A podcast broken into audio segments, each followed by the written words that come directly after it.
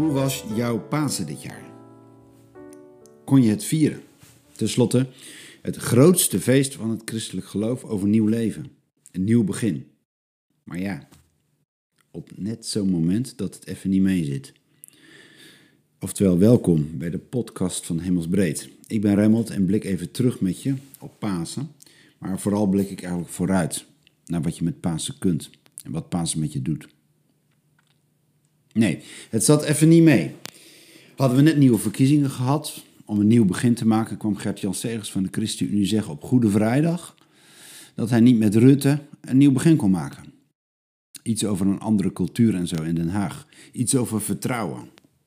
En ja, wie was er niet gevallen vorige week? Over dat beruchte briefje met de vier woorden.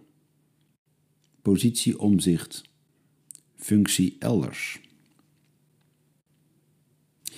Met Pasen vieren we dat Jezus de dood overwint. Nieuw leven breekt dwars door alles heen. Voor de eerste christenen veranderde hier revolutionair iets. Ze waren met dit verhaal andere mensen geworden. Dit is het, dat gevoel. Jezus' opstanding echoot al eeuwen na en heeft talloze mensen veranderd. Het probleem is alleen dat we die radicaliteit er niet altijd meer in horen en nog minder voor onszelf zo voelen.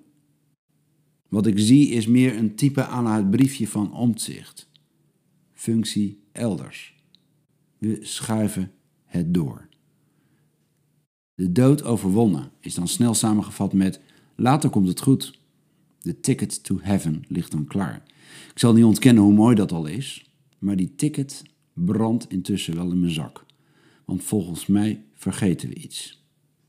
Ik kwam een tekst tegen bij Paulus over Pasen, Nieuwe Testament, Efeziërs 2, vers 4 tot 7. Ik ga het nou niet lezen, maar in over elkaar heen buitelende zinnen geeft hij aan: God heeft met Jezus ons uit de dood opgewekt, samen. Dus Jezus en wij, mensen. Jezus staat op en kijkt vervolgens ons aan en zegt: Nu is het jouw beurt. Die radicaliteit. Normaliter, ja, dan zit je in een oude positie met alle doodsheid en saaiheid van dien. Ten slotte dood, er gaat zoveel mis. Kijk daar eens naar. Dood gaat dus in de Bijbel op zo'n moment helemaal niet alleen over straks en zo. Onthoud dat even. Je bent al dood. Mm, oh, als je het wil weten. Maar stop even. Je bent nu ook in staat om op te staan. Te leven, een nieuw begin te maken. Maakt dat veel uit? Gewoon voor zeg maar het hier en nu? Nou, ik denk dat het precies is wat we dus soms wat kwijt zijn. Dit maakt zoveel uit. Fijn om de opstanding van Jezus te gedenken van 2000 jaar geleden. Maar hoe kan je nou jezelf uit het verhaal weglaten? De eerste generatie christenen zijn letterlijk en figuurlijk opgestaan. Ze zijn opnieuw begonnen. Ze zetten een andere cultuur neer. Ze wachten niet op draagvlak van hun omgeving. Ze stonden er gewoon. Met een diep geloof in iets nieuws. Ze waren zelf nieuw. Andere mensen, omdat ze geloofden dat het verhaal van Jezus hun eigen verhaal was geworden. Ik zag vorige week de film A Time to Kill, waarin Samuel L. Jackson een vader speelt van een verkracht en vermoord dochtertje. En hij maakt als zwarte geen schijn van kans bij deze moord door de Ku Klux Klan. Hij besluit wraak te nemen op de moordenaars. Maar ja, komt in de gevangenis en dus in de rechtszaal terecht. En op het dieptepunt van het proces tegen hem zegt hij tegen zijn witte advocaat: Luister, jij hoort bij hen. Jij bent mijn enige kans om dit te veranderen. Dit systeem, dit onrecht.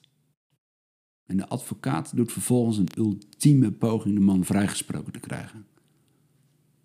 Het klopte wat de zwarte man zei. Dit gaat over je positie. Welke positie je krijgt maakt nogal verschil. Hm, goeie vraag. In welke positie ga jij staan? Als je geïnspireerd bent door de opstanding uit de dood van Jezus van Nazareth? Dat is even de vraag. Dat is anders dan de overwinning op de dood vieren met een ticket to heaven op zak, toch? Dat is de radicaliteit voelen van een nieuwe positie krijgen. Van een nieuwe positie hebben. Als God jou op die manier nou eens aankijkt, waar ga jij dan naar kijken? Wat ga jij dan doen? Ik geloof persoonlijk absoluut in de hemel en in leven na de dood. Tenminste, meestal. Maar ik geloof ook steeds meer dat jij en ik hier zijn om iets van die hemel zichtbaar te maken. Ik geloof steeds minder in van alles doorschuiven naar later. Meer van Jezus gaan zien, dat is volgens mij waar Paas hier iets over zegt. Een stem fluistert midden in coronatijd in je oor: het kan wel. Kijk eens om je heen. Sta op in Jezus' naam en ga oefenen. Zie de rest van je leven als oefenplek voor je nieuwe positie. Als je iets met kerk wil, dan, dan is dit volgens mij kerk. Een oefenplek van het nieuwe begin. Een oefenplek van de hemel op aarde. Een oefenplek van liefde, van hoop. En de rest is bullshit. Mij maakt het een stuk relaxter en milder zelfs. Relaxed, niet de hoge lat van perfect altijd op volume 100 presteren. Het perfecte christelijke plaatje zijn. Maar wel het bewustzijn dat je nieuw leven bent. Omarm het alsjeblieft dus. In plaats van er van alles over te geloven. Jezus kijkt je aan en zegt: Jij bent een stukje mij, nu al. Het geeft eerder ergens rust, maar ook wel lef en moed. Ik moet wel opstaan. Blijven hangen is er niet bij. Tegelijk, ja, het maakt me milder naar andersgelovigen, naar twijfelaars, naar zoekers, naar instappers. Mensen die het even willen proeven, maar die tegelijk sceptisch zijn. Want tenslotte, wees welkom. Ik moet zelf nog zo wennen aan de nieuwe positie, toch? Waarom moet een ander dan op niveau 10 instappen voordat hij mag beginnen? Van welk systeem mag dat dan? Mensen staan op. Dat is Pasen. En Jezus is degene die achter je staat. Vanaf nu is het oefenen geblazen. In alle mildheid en in alle radicaliteit. Goed, een nieuwe positie, maar niet elders. Hier graag. En we stoppen met doorschuiven. Wat gaat dat teweeg brengen?